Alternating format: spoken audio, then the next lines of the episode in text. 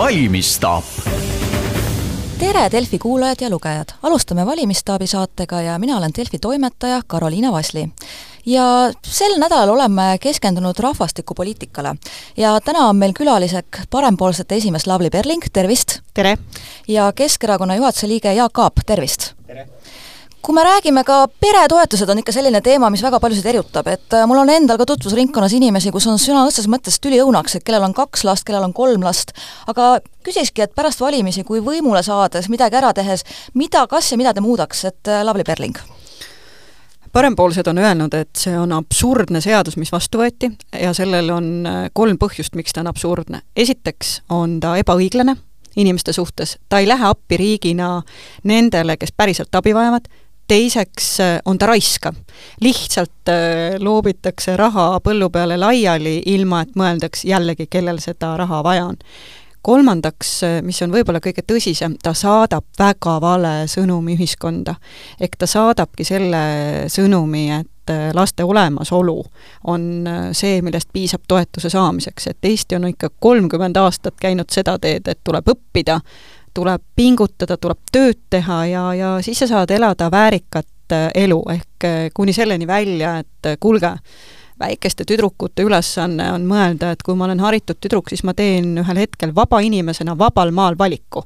et kas ma lähen õpin lenduriks, lähen õpin IT-d, mida iganes, või lähen ja, ja, ja sünnitan seitse last, kõige olulisem on see, et inimene on vaba valima aga et, et haridust peaks igaüks püüdlema. nii et eh, mis meie teeme, on lühike vastus, et eh, vaatame otsa ja teeme kõik endast oleneva, et see tagasi pöörata ja õiglust taastada.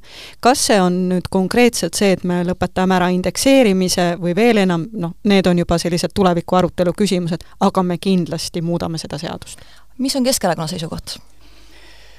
Noh, kui me võrdleme jah, mõnede teiste, eks ju, toetustega, olgu need siis kas sihitud või universaalsed, siis äh, võib-olla natukene üle oma jõu. ma üldse ei ütle, et paljulapselisi peresid ei pea toetama, aga mina eelistaks seda teha nii, nagu siin Klaavli ütles, et näiteks haridus noh, teeme kas või selle lasteaiahariduse siis tasuta, et kui meil juba on see üldine haridus tasuta, et püüame neid lapsi ja peresid aidata seal, kus nagu abi kõige rohkem on vaja. Kindlasti on väga oluline huviharidus, me teame, et äh, noh, muidugi see on erinevate hindadega ja Tallinnas on kõige kõrgemad hinnad, paljudes teistes omavalitsustes omavalitsus toetab rohkem isegi ja nad ei ole nii kõrged, nii et äh, pluss siis kõik see, mis on õppimiseks, elamiseks vaja ühe lapsega perekonnale, et kui me seda toetame, ja need olud on paremad, kus lapsi kasvatada ja, ja võib-olla ei ole ka nii majanduslikult koormavad, kui me räägime haridusest, huviharidusest, millest iganes, siis äh, võib-olla hakkabki rohkem lapsi sündima. aga üks äh, kurvastav sõnum on, et tegelikult äh, sünnituseast jõuavad välja need taasiseseisvumise ajal sündinud suured põlvkonnad. nii et seal on ka täiesti loogiline põhjus, demograafiline põhjus taga, miks momendil nendel aastatel nüüd tulebki vähem, on ka teisi põhjusi, aga üks suur põhjus on see, kuidas seda pöörata, noh, erinevate, erinevate meetmetega. Et loomulikult äh, mitte raha jagamine kõigile ei ole see, mis paneb inimesi lapsi sünnitama, ma julgen seda ikkagi kolme lapse emana öelda. ja, ja mul oli nagu hea meel, et kui ma vaatasin parlamendi hääletust, et parempoolsete poolt oli Siim Kiisler, viie lapse isa, kes ainsana omas veel mõistuse häält ja ütles, et kuulge, see seadus on äh, täpselt see, mida ma kirjeldasin, absurdne, ebaõiglane ja, ja, ja tuleviku mõttes äärmiselt raiskav nüüd äh, kus on lahendused peidus, et lapsed sünnivad ju ikkagi siis, kui täiskasvanud tunnevad ennast turvaliselt ja nad on valmis, äh, valmis selle lapse saama. esimese lapse, teise lapse, kolmanda lapse, jällegi parempoolsed ikka toetavad väga selgelt seda, et las inimene ise otsustab. et riik ei peaks sekkuma inimeste eraelu asjadesse, aga muidugi riigi väärtus on tema inimesed nii nagu me oleme öelnud, et tänapäeval me ju näeme, et kui inimesed saavad ühildada oma pere- ja tööelu, kui neil on nagu kindel, et kui see laps sünnib, et ta sünnib sellisesse heasse maailma, kus tal on olemas tõesti need kõikvõimalikud heas mõttes toed, mitte nagu tasuta ei pea kõik olema, et parempoolsed ütlevad, kõik ei pea olema tasuta, tasuta lasteaiakoht, tasuta haridus, ei! vastupidi, need peavad kvaliteetsed olema ja, ja see, kogu see Eesti peaks olema ikkagi üles ehitatud nii, et need suurim väärtus on iseendaga hakkama saavad inimesed. et äh, isegi kõrgharidus ei pea tasuta olema, sellepärast ei jää lapsed sündimata, oluline on hoopis see, et iga laps, kes sünnib, et, et me ehitame sellist Eestit, et igale lapsele, ükskõik kui vaesesse peresse ta sünnib, tal on juurdepääs maailma parimale haridusele. Ja selleks, et ehitada maailma parimat haridussüsteemi, on sinna vaja raha. eraraha juurde, enda panust juurde, aga see on teine teema. aga, aga fakt on see, et see keskkond, mida me Eestis ehitame, see loob äh, võimalused ja eeldused laste sünniks. ja jälle, kui me mõtleme, et mis on Eesti kõige suurem probleem, sest Eesti kõige suurem probleem on ju vaesus. inimesed lihtsalt äh, noh, neil ongi raske, sellepärast ka parempoolsed ütlevad, et miks on majanduskasv kõige alus, majandus. sellepärast, et kui inimesel on leib laual ja ta saab iseendaga hakkama ja ta saab ka töös sellist väärikat tasu et äh, siis sünnivad lapsed ja, ja siis ta hoiab seda riiki, hoiab kultuurijulgeolekut ja siit võiks jätkata, aga ikkagi punkt üks, ühildame töö ja pereelu, punkt kaks, loome sellise keskkonna, kus on hea lapsi kasvatada, punkt kolm, paneme Eesti majanduse kasvama, et sellest Eestist kasvaks ja tuleks selline riik, mis on unistuste maa, kus lapsi mm. kasvatada ja, ja nad siit teele saata, võib-olla suurde maailma, et nad õpiks seal, aga ühel päeval tuleks siia tagasi. Aga olgem ausad, praegu madal iive on probleem, seda on näidanud ka statistika ja et ja ka, mis on ka Keskerakonna seisukoht, et mis siin ikkagi veel ära saaks teha, et see olukord muutuks? no ma ütlesin tegelikult peapõhjuse välja et äh, seda teile kõik demograafid selgitavad, et äh, on olnud äh, need põlvkonnad, suurema sündivusega põlvkonnad, kes jõudsid sünnitusikka, sündis rohkem lapsi vahepeal, nüüd on väiksemad põlvkonnad sünnituseas, järelikult tuleb vähem lapsi. aga pikemas perspektiivis annab nii mõndagi teha. paljuski Lauliga nõus, et tegelikult inimeste heaolu ja sissetulek on ikkagi praktiliselt esimene asi, mis siis võimaldab lapsi muretseda, lapsi kasvatada. Ja kahju jah, et pikemas perspektiivis me peame pingutama selle nimel, et noh, meil on tootlikkus madal, kui me võrdleme ikkagi Euroopa riik, arenenumate riikidega, ehk siis see lisandväärtus on väike, palgad on väiksed, see on küll muutumises, et näiteks teadus-arendusraha, mis me tõstsime ühe protsendini, kus siis peab ka teadus ja ettevõtlus nagu olema paremini innovatiivselt ühendatud, kui siin mõni aasta tagasi oli veel näiteks ettevõtjate erapanus siis teadus-arendusse kuskil null koma seitse, null koma kaheksa, siis eelmine aasta see oli üks koma üks. et äh, see riigi nagu avaliku sektori panus on kasvatanud ka erasektori panust teadus-arendusse ja sealt tulevad need targemad ja lisandväärtust äh, tootvad töökohad, sellega tuleb jätkata. ja eriti ka regionaalselt, et noh, kahjuks on meil häda ikka see, et meil on väga suured lõhed, et äh, nende ettevõtete tootlikkus, mis asuvad maapiirkonnas, on veel väiksem ja, ja seal saadavad palgad on väiksed, et need lõhed lähevad liiga suureks. Äh, sellise, selline riik ei saa eksisteerida, ühiskonnas tekivad pinged ja rahulolematus, kui nii suured ebavõrdsused on. aga ma ikkagi rõhutaks, no ma toon oma näite, et äh, ma olin Võhmas abilinnapea, linnapea, siis kui lihakombinaat läks pankrotti aga üks asi, mis me otsustasime, me huvihariduse ja muusikakooli eest raha ei võtnud lastelt. et äh, ka oli raske kinni maksta tegelikult, raha oli igale poole vaja tol hetkel.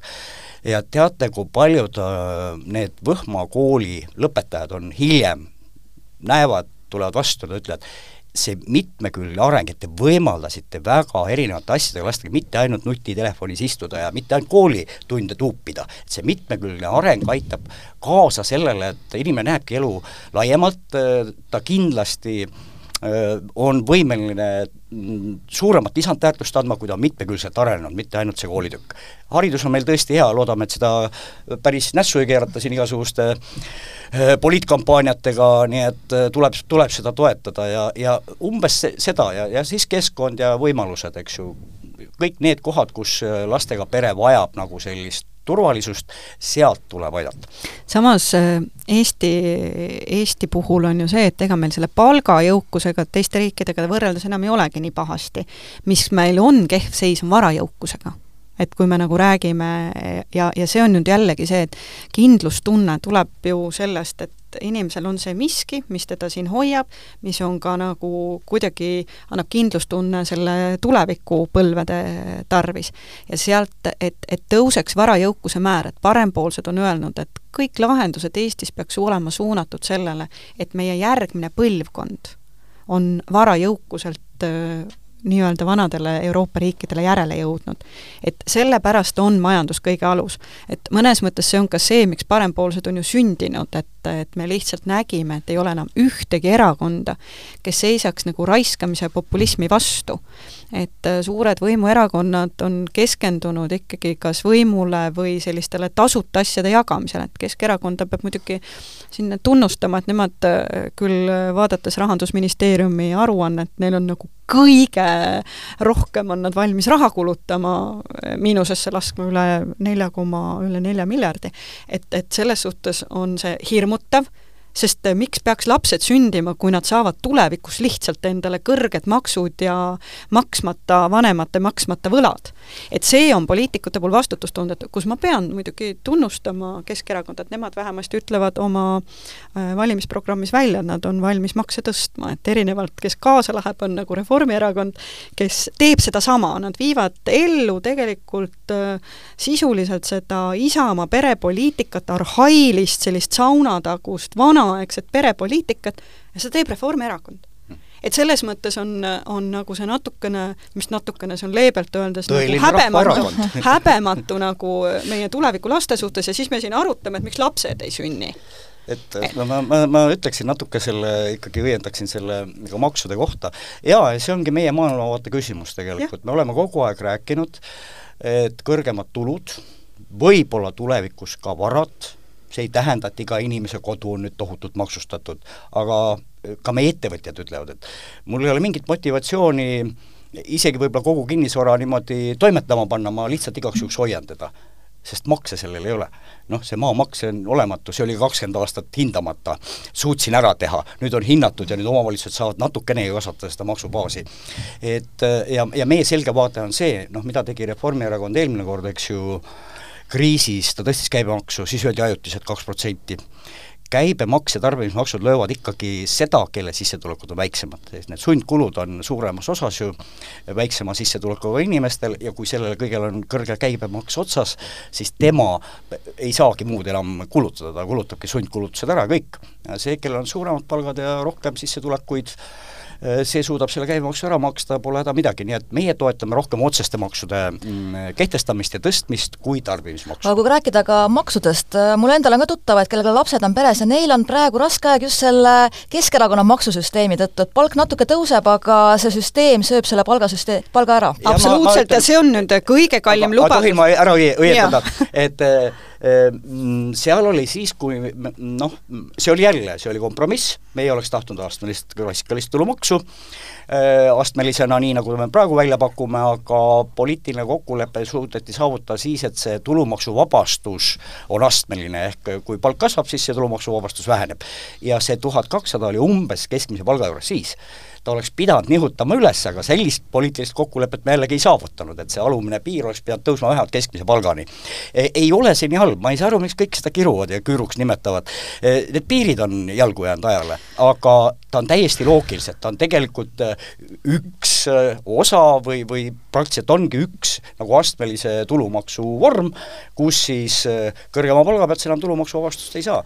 aga kuni noh, just rääkisime siin, maapiirkonnas on praegu keskmine tuhat kakssada need vaidlused on mõnes mõttes head vaidlused, need on maailmavaatesed vaidlused ja, ja seda on hea vaielda, kui, kui on seisukoht, et et, et ma lihtsalt jälle pean remargi kohta ütlema, et remargi korras ütlema, et niimoodi on lihtsam vaielda, sest parempoolsed on risti vastupidine seisuko-, seisukohal, ma kohe jõuan seisukohani.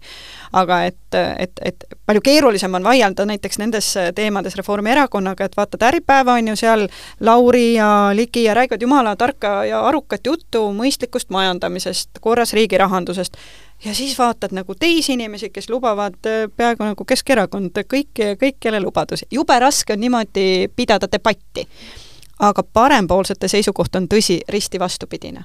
meie ütleme, et esimene põhimõte on see, et äh, maksusüsteem, mis on ekspertide poolt tunnistatud maailma kõige konkurentsivõimelisemaks oma lihtsusega ja, ja sellise tõhususega, et see peab säilima et ärme muudame seda, mis hästi toimib ja mille kohta maailma eksperdid on öelnud, et see on väga hea. ja kolm väga selget seisukohta, esiteks meie muidugi ütleme, tööjõumaksud peavad äh, alanema, me oleme selle ka oma programmis välja kirjutanud, et me võtame suuna tööjõumaksude alandamisele, miks? sellepärast, et kui ettevõtjatele jääb rohkem raha kätte, siis nad saavad äh, selle eest tõesti loomulikult äh, maksta kõrgemat palka, luua uusi töökohti, panna raha innovatsiooni, teine põhimõte, mis meil on kirjas, me toetame ka tulumaksu vähendamist kahe protsendi võrra, igal inimesel üle kolmesaja euro jääb rohkem raha kätte. ehk jällegi, kuna parempoolsuse tuum on ju see, et inimene ise teeb kõige paremad otsused ja see on see, ja kolmas on sotsiaalmaksu lae kehtestamine mm. -hmm. nii et need on, on, need on, jah, siin on meil ühisosa nii, aga nüüd me kaldusime väga maksuteemadele, mis tegelikult on ka väga palju alus, mis mõjutab kõiki. aga, aga kui aga rääkida küsimus jaa. on, et äh, noh, no sama, mida ma EKRE käest, nemad lubavad kõiki makse langetada, eks ju, peaaegu. kust äh, tuleb raha tervishoiu, arstiabi, sotsiaalhoolekande, hariduse jaoks, eh, seal on see oht, et siis peab hakkama inimene seda ise kinni maksma, eks ju, omaosalus kasvab ja siis tekib jälle see probleem, et äh, väiksema sissetuleku inimene enam arsti juurde asja ei ole, ta ei jaksa seda maksta. kuulge, kui äh suured ja vanad, suur suured, vanad ja väsinud erakonnad ei raiskaks raha ära, see, mida nagu tehti aasta lõpus, kolmkümmend miljonit äh, lihtsalt hinnaleevendustoetust maksti kõigile juhtidele, tippjuhtidele, miljonäridele, dividendimiljonäridele mm., kõik said ja kolmkümmend miljonit. ma jalutan, kui ma oma kodukohas jalutan, mulle jalutab ikka vastu üks ema oma oma ratastoolis lapsega, kes ei ole kunagi kümme aastat tööle saanud minna, sellepärast et äh, riigil ei ole olnud raha sellist korralikku transporti tekitada. ja see on see, millest parempoolsed räägivad, et palun, keskendume sellele, et Eesti riik kahekümne aasta pärast on selline riik, kus, äh, kuhu tungivad peakontorid, arenduskeskused, siin on kallid töökohad, kus rahvas on sama jõukas nagu Šveitsis, kus on ülikool, mis on maailma top sajas ja nii edasi, et see visioon Eestist peab olema selline, mida me ehitame. sünnivad lapsed, jäävad siia, käivad ära, tulevad tagasi aga, aga raha eh, maksutõusuks ei tulegi see, just, aga negatiivne, negatiivne eelarve tuleb, punkt üks, sellepärast et eh, need, kes on olnud võimul, need ongi raha ära raisanud. Nad on raha ära raisanud ja kui raha ei raiskaks ja ei annaks välja absurdseid lubadusi, siis oleks ka meil raha ei, tuleviku ehitamiseks. natuke vaidlen, koroonakriisiga läks natuke teisiti.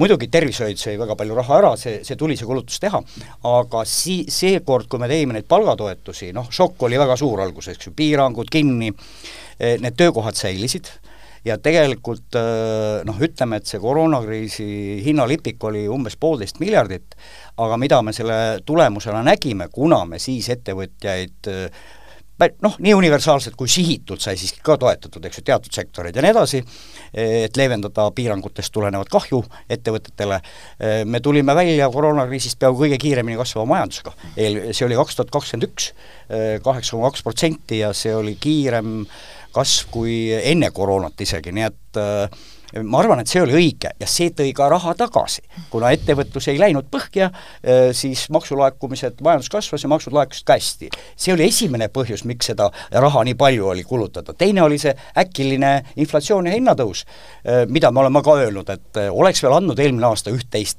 leevendada, ära hoida ei oleks suutnud, aga valitsuse otsusega üht-teist oleks saanud veel. nii, meil läks väga selliseks ka maailmavaateliseks ja majandusküsimusteks. aga no, tulles jah. natukene ka rahvastikupoliitika, et äh, Lavly Pereng, viitsite ka siin, et kuidas me arenema peaks, aga räägime sisserändest, et äh, mis on äh, mõlema erakonna seisukohad, et kui avatud me peaks olema ja mida veel teha sel suunal? reaalsus on demograafia suhtes täpselt see, mida Jaak Aab kinnitas, et fakt on see, et meil on inimesi vaja ja inimesi, nagu me teame, demograafiliselt praegu ei sünni, me saame toetada seda, kõik see töö ja koduelu, jah, töö ja koduelu ühildamine, kogu selline kaasaegne paindlik suhtumine tööõigusesse, et seda me kõike saame teha, seda me saame teha täna. aga nüüd on küsimus rändes, parempoolsed toetavad tarka rännet. parempoolsed ütlevad, et loomulikult arvestades, et maailm konkureerib üldiselt kahele asjale. Need on talendid ja raha. ja, ja, ja mis on nagu meie suur väärtus, on ikkagi meie tark rahvas ja see tähendab seda, et me, me, me peame ühelt poolt meelitama siia talente, see on nüüd see, miks parempoolsed ütlevad, et et loomulikult me peame ka üldhariduskoolidega tegelema, aga rohkem tähelepanu tuleb pöörata hoopis ülikoolidele, kõrgharidule, teaduse arengule. vot, vot seal on tõeline nagu ühelt poolt nagu rahapuudus, teiselt poolt tuleb sinna lasta erasektori raha sisse et, et need praegused piirangud ei ole okei okay.. aga mida me teha saame, ongi see, et äh, tark ränne, et äh, loomulikult, et äh, meil on inimesi vaja ja ma olen veendunud, arvestades ka minu eelmist äh, elu, et äh, me saame targa rändega hakkama. aga need, kes tulevad siis ütleme, ehitajateks, võib-olla maasikaid korjama, kuidas nendesse suhtute? no ega seda on, ta on ajutine ja no las nad äh, tulevad, ega siis eestlased on samamoodi käinud ja käivad kogu ja aeg, käivad kogu aeg mujal tööl, et see on selline avatud maailma põhimõte. et üldiselt parempoolsed ongi väga selgelt nagu avatud maailma poolt ja ütlevad, et ei ole vaja selliseid eh, liigseid piiranguid panna, millega tuleb tegeleda, kuigi see teema nüüd läheb hoopis nagu sellisesse valdkonda nagu eh, sisejulgeolek, et millega me peame kogu aeg tegelema, on see, et me peame jälgima neid kogukondasid, kes siin tekivad, et noh, ma ei tea, et, eh, et ma olen avatud ja, ja, ja suhtun tõesti täielikku lugupidamisse kõigisse usunditesse, aga et noh, et kui me vaatame näiteks, mis on ju ka Kapa aastaraamatust läbi jooksnud, moslemi kogukonna teket, suurust, kasvu, et, et, et, et aga see on nüüd hoopis nagu teine teema. üldine põhimõte on ikkagi parempoolsetel see, et, et kontrollitud ränne ja, ja ikkagi tööjõud on vaja. meil on lihtsalt uh -huh. tööandjatel vaja inimesi, kes tööd teevad ja selleks tuleb riik, peab looma võimalused, et mis, mis on Keskerakonna seisukoht? jaa, igal juhul selle lühiajalise töö, elamisluba või tööluba, eks ju, mis siin käiakse, seda tuleb kindlasti võimaldada et äh, teatud sektorites on lihtsalt töökäte puudus ja juhul, kui meie ettevõtetel läheb hästi ja seda töökäsi on juurde vaja, siis ajutiselt kindlasti võib see tuua, me näeme seda, see on need Ukraina töölised, äh, ehitajad, kes siin varem olid või, või, või mõned maasikakorjajad, mida iganes, erinevates sektorites, näiteks ka põllumajanduses meil ausalt öeldes töötab päris palju välismaalasi, kuna eestlane ei taha nagu hästi sinna lautale minna, ütleme okei okay., et äh, siis need kvoodid, ma olen nõus sellega, et teatud spetsialistid, kes tihtipeale ei tule ka siia igaveseks elama, keda on vaja kaasata, olgu noh, tänapäeva maailm on nii mobiilne, eriti IT-valdkond, et nad tulevad mõneks ajaks seda tegema või õppejõud tulevad siia mõneks ajaks õpetama ka seal on see sotsiaalmaksu lae küsimus, et kui nad ei viibi siin eluaega, ei hakka siin meil kunagi pensioni saama, tõenäoliselt enamus neist, siis miks me karistame neid selle suure sotsmaksuga, kus võiks lagi peal olla, et nad teeniksidki seda palka, mida nad väärivad, nende hind ongi kõrge, eks ju, seda palka tuleb maksta, ärme siis seda nii hullusti maksusta, võtame sealt seda maksu natuke vähemaks. nii et äh, igal juhul ta peab olema siiski kontrollitud, ma ei ütleks, et me nüüd kõik uksed teeme lahti, meil on nii palju ohtusid siin lähipiirkonnas, mida iganes Venemaa on meil endiselt ohtlik, kõik need moslemi kogukonnad, mis ka vaikselt tulevad, nii et ta peab olema kontrolli all, mina jätaks selle kvoodi võib-olla ja, ja suurendaks kvooti nende spetsialistide osas just. Jaa, eh, mina ka ja ma, mida ma mõtlesin, oli veel see, mida me ei ole puudutanud, võib-olla me puudutame, et eh, Jaak Aab puudutas enne regionaalteemasid. et ma arvan, meil kõigil on neid tuttavaid ja perekondasid, kes tahavad maale elama minna oma lastega leida see imeline keskkond, kus neid siis kasvatada. ja seal on nüüd ka jällegi, riik saaks äh, selle asemel, et raha toetustena laiali jagada, teha üksjagu head. et äh, noh, näiteks, et, et äh, me oleme, parempoolsed on välja öelnud, et kuidas nagu aidata selliseid noori peresid ja inimesi regionaalarengu kontekstis, näiteks krediidivõimekuse kasvuga. et just nimelt, et jällegi, et kuna parempoolsed ütlevad jälle, tuleme tagasi selle juurde, et see visioon, mida ma Eestist kirjeldasin, kus lõpuks elab jõukas rahvas, kellel on oma maatükid ja oma kodud siin, et kuidas me seda saame teha? me saamegi nii teha, et me lähme nendele noortele peredele appi riigina, et nad saavad võtta selle laenu, sest tänane on karm seis.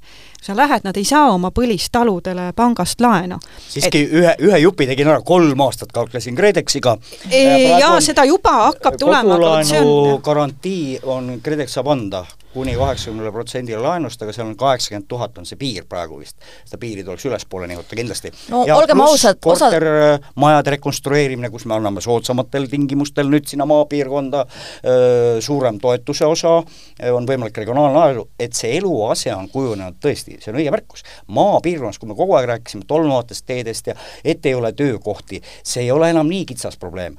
eluaset ei ole ja, ja vot see saab takistuseks, kus see perearst läheb, õpetaja läheb, kui tal ei ole kvaliteetset eluaset, ta ei lähe, tänapäeva noor inimene ei lähe mingisse poollagunenud kortermajja elama, noh, ei ole võimalik. aga olgem ausad, ega paljudel inimestel ei ole ka seda laenuvõimekust, et pangad ei annagi laenu. see, seda ma räägin, et seda krediidivõimekuse kasvu tuleb kindlasti tõsta. pank ei anna sellepärast, et see kinnisvara väärtus on seal nii väike. ja nüüd see KredExi meede aitabki katta öö, selle tagatise. no see on hetkel veel ja. ikkagi nagu väga niru ja ei ole kättesaadav nagu väga paljudele, et, et aga see on kindlasti teema, mis jällegi mõnes mõttes oleks ka sündivust toetav meede, sellepärast et mm, -hmm. et kui on nagu võimalik oma kodu luua, noortel peredel. noh, olgem ausad, seal eladki maal ilusas, kenas, rahulikus maas. aga mis te, jaa, ma segan korra vahele, vabandust, äh, mõned parteid on siin ka flirtinud mõttega, et kodulaenu teatud määral tagasi maksta sõltuvalt laste arvust, et mis te sellest arvate? vot äh, ei ole olemas sellist äh, laenu, et ei pea seda tagasi maksma, see on alati nagu hämmastav olnud, ma olen aastaid kuulanud seda juttu, kuidas kuskil on mingid laenud, mida ei pea tagasi maksma et äh, ei ole ja ma arvan, et ei pea ka tegema selles mõttes selliseid äh, laste arvust tulenevalt äh, soodustusi laenu tagasimaksmisel. ma arvan, et mõistlik on just nimelt see, et anname need võimalused, anname inimestele õnge ja küll nad selle kala ise püüavad ja maksavad ilusti selle laenu tagasi ja neil on jällegi ühe inimpõlve jooksul tekib neil varajõukust juurde et mitte ärme nagu no, hakkame jah, raha raiskama. jälle tuletan meelde, et hiljuti sai ikkagi Riigikogus üks seadus vastu võetud, mida ma mitu aastat venitasin ja lõpuks sai vastu võetud, oli see, et omavalitsustele lihtsustatud tingimustele maa andmine. riik on oma nagu huvid ära kaardistanud. et maareform on sellega peaaegu praktiliselt lõppenud, aga riigil on palju sellist maad, mida ta otseselt kohe kindlasti ei vaja ja anda seda arendusmaaks just omavalitsustele. et mitte lihtsalt müüa arendajatele, vaid just maapiirkonnas saab omavalitsus noh, kõik need esialgsed planeeringud, mida iganes ära teha ja siis anda välja ja paljud omavalitsused teevad, kui neil on seda maad, noortele peredele. aga mis on Keskerakonna ikkagi hoiak ka selle võimaliku nii-öelda laenu tagasimaksmise üle, mida siin Isamaa ja ka EKRE on rääkinud? ma ei oska öelda, me ei ole seda väga põhjalikult omavahel ka arutanud, mina isiklikult olen veidi skeptiline jälle. et, et noh, see natukene tundub jah, et kõik lapsed, lapsed, lapsed ja kõik asjad ainult lastega seotakse, aga võib-olla noh, võib-olla, võib-olla hoopis äh, noh, nii nagu tuleb välja, et me üksikvanem on tegelikult ühe lapsega, on võib-olla äh, kõige hullemas seisus näiteks. absoluutselt, et see on äh, ja kui, kui, kui, kuidas me nüüd siis ütleme nagu, et täna on ühel noorel perel kaks last, et sa võtad laenu nendel tingimustel, et kui sul on nagu viis last, et noh, et siis sa ei pea nagu laenu tagasi maksma, et mind nagu hirmutakse suhtumine, et mis siis no, nagu ja üks asi on, ta toetab ka vastutustunne. jah, et ja, ja tegelikult olgem ausad, seda laenu võtavad ikkagi suuremad suuremate sissetulekutega pered. teised elavad kas üürikorteris või, või ostetud korteris, suuremad laenud on ikkagi, nendel saavad võtta juba need inimesed või on võtnud need inimesed, kelle sissetulek on suurem. et nüüd me anname siis nagu sinna juurde, et see, see on minu, minu jaoks see pealekauba ma väga nagu kardaks selliseid meetmeid või mis kardaks, ütleme, ma oleks väga tähelepanelik, kui ega siis Isamaa puhul on olnud ka avalik nende rahastamise küsitavus ühe pankurihärra poolt, on ju, et kui siin hakatakse nagu kodulaenu tagasimaksmisi ja seal riigi osalust selles nagu arutama, siis ma väga loodan, et ajakirjanduse silmad on väga teravalt sellel peal ja veel saate lõpetuseks viimase teemana me natuke rääkisime sisserändest. aga kuidas siis ikkagi selle eesti keele õppega on, et eh, mis sa arvad, et kas ka ütleme, sellised Bolti juhid, eh, söögitoojad, kullerid, kõik peaks oskama eesti keelt või mitte? ma arvan, et nii ja naa, et eh, see, mis nüüd toodi, mm, keelenõuete karmistamine Riigikokku, ma arvan, et see oli veidi üle, üle võlli. et jah, eesti keelt peaks oskama sellisel elementaarsel moel, seesama Bolti äh, ka kuller. ja ma arvan, et äh, ega nad enamuses kuidagi ikkagi pursivad ka aga ei saa panna väga karme nõudeid nüüd kõigile eluvaldkondadele ja kõigile töötajatele, et äh, seal, kus seda on vaja, noh, õpetajad, mida iganes, eks ju, klienditeenindajad, kes rohkem suhtlevad klientidega, seal kuskil on see vajalik, aga ma ei tea, kas see Bolti kuller peab nüüd oskama B2 või C1 tasemel eesti keelt, et see oleks nagu veidi üle võlli. No parempoolsed usuvad, et Eesti on nii väike, et me saame enamus valdkondades lubada endale rätsepatöö tegemist oma riigi jaoks, siis äh, ka nende äh, Bolti autojuhtide või kulleritega on ju see küsimus, et kui nad nagu tulevad ja meil on tööjõudu vaja ja nad ei oska kohe eesti keelt, no las ta olla. aga et fakt on see, et äh, mingi aja jooksul ta peab hakkama seda keelt rääkima, sest eesti keel on väga selgelt meie identiteedi osa. ja nii, nagu parempoolsed on öelnud, et me oleme väga olnud seda usku, et eestikeelne haridus on ainuõige, mis on nagu hämmastav, on muidugi see, et vist äh, taaskord on Isamaa kõige rohkem rahandusministri kohal olnud, eks ju, kolmkümmend aastat on aega läinud ja ja siis me võtame seda nagu suurt võitu haridusministri kohal, jah, ja me võtame seda kui suurt võitu, et juba kolmkümmend aastat pärast iseseisvust me juba hakkame rajama eestikeelset kooli. et, et, et jällegi, et las need äh, kullerid ja, ja autojuhid, äh, neil peaks ka see surve peal olema, et nad peavad keelt õppima, kui nad siia maale tulevad. aga kuidas see välja näeks, et kuidas neid siis nii-öelda survestada või mingid tasuta no, kursused no, võimaldada? töö, kas nüüd jälle tasuta kursuseid, miks me siis kohe tasuta kursuseid, kui sa tahad töötada selle koha peal, siis keelekursusi, kusjuures äh, ega te-, ka ju pakutakse just nimelt äh, keelekursusi, et ma arvan, tänapäeval need, kes tahavad keelt õppida, eesti keelt, kes siia tulevad, neil on kõik võimalused olemas selleks. et äh, nii äh, nügimine kui ikkagi nagu sellised äh, nõuded mingi aja pärast, et äh, mingil tasemel seda keelt äh, siiski peab valdama, samas ma olen siin nõus, et äh, me peame ühelt poolt tulihingeliselt kaitsma oma keelt, eesti keelt aga teiselt poolt me peame omama sedasama mõistuse häält, mis on, mis on parempoolsete valimisloosung, et kui me nagu räägime siin IT-meestest ja targad töökohad, kes tulevad siia tööle, jällegi on ju, et see ei peaks olema kindlasti see valdkond üle maailma ingliskeelne üle maailma inglisekeelne, et me ei peaks nagu kedagi ära peletama nagu oma, oma, oma selliste äh, üle võlli nõuetega. et äh, jah, ma, üks repliik selle Isamaa tõesti toimetamise kohta, et äh, ja siis, kui esimene otsus tehti, tehti ka täiesti valesti. mindi gümnaasiumisse eestikeelsele õppele üleminekut. kuidas need, äh, kuhu, kuidas need gümnaasiumi lapsed äh, siis selle, selle omandavad varem? et meie üritasime teistpidi, et me tõesti ka riigi rahadega tegime pilootprojekti, kus me palkasime, Haridusministeerium palkas lasteaiaõpetajad, saatis konkreetse KOV-i lasteaeda tööle, et oleks igas rühmas üks eestikeelne õpetaja.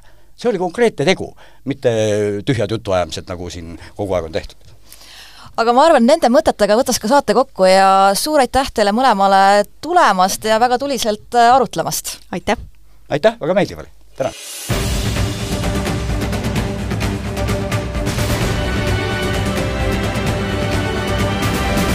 valmistab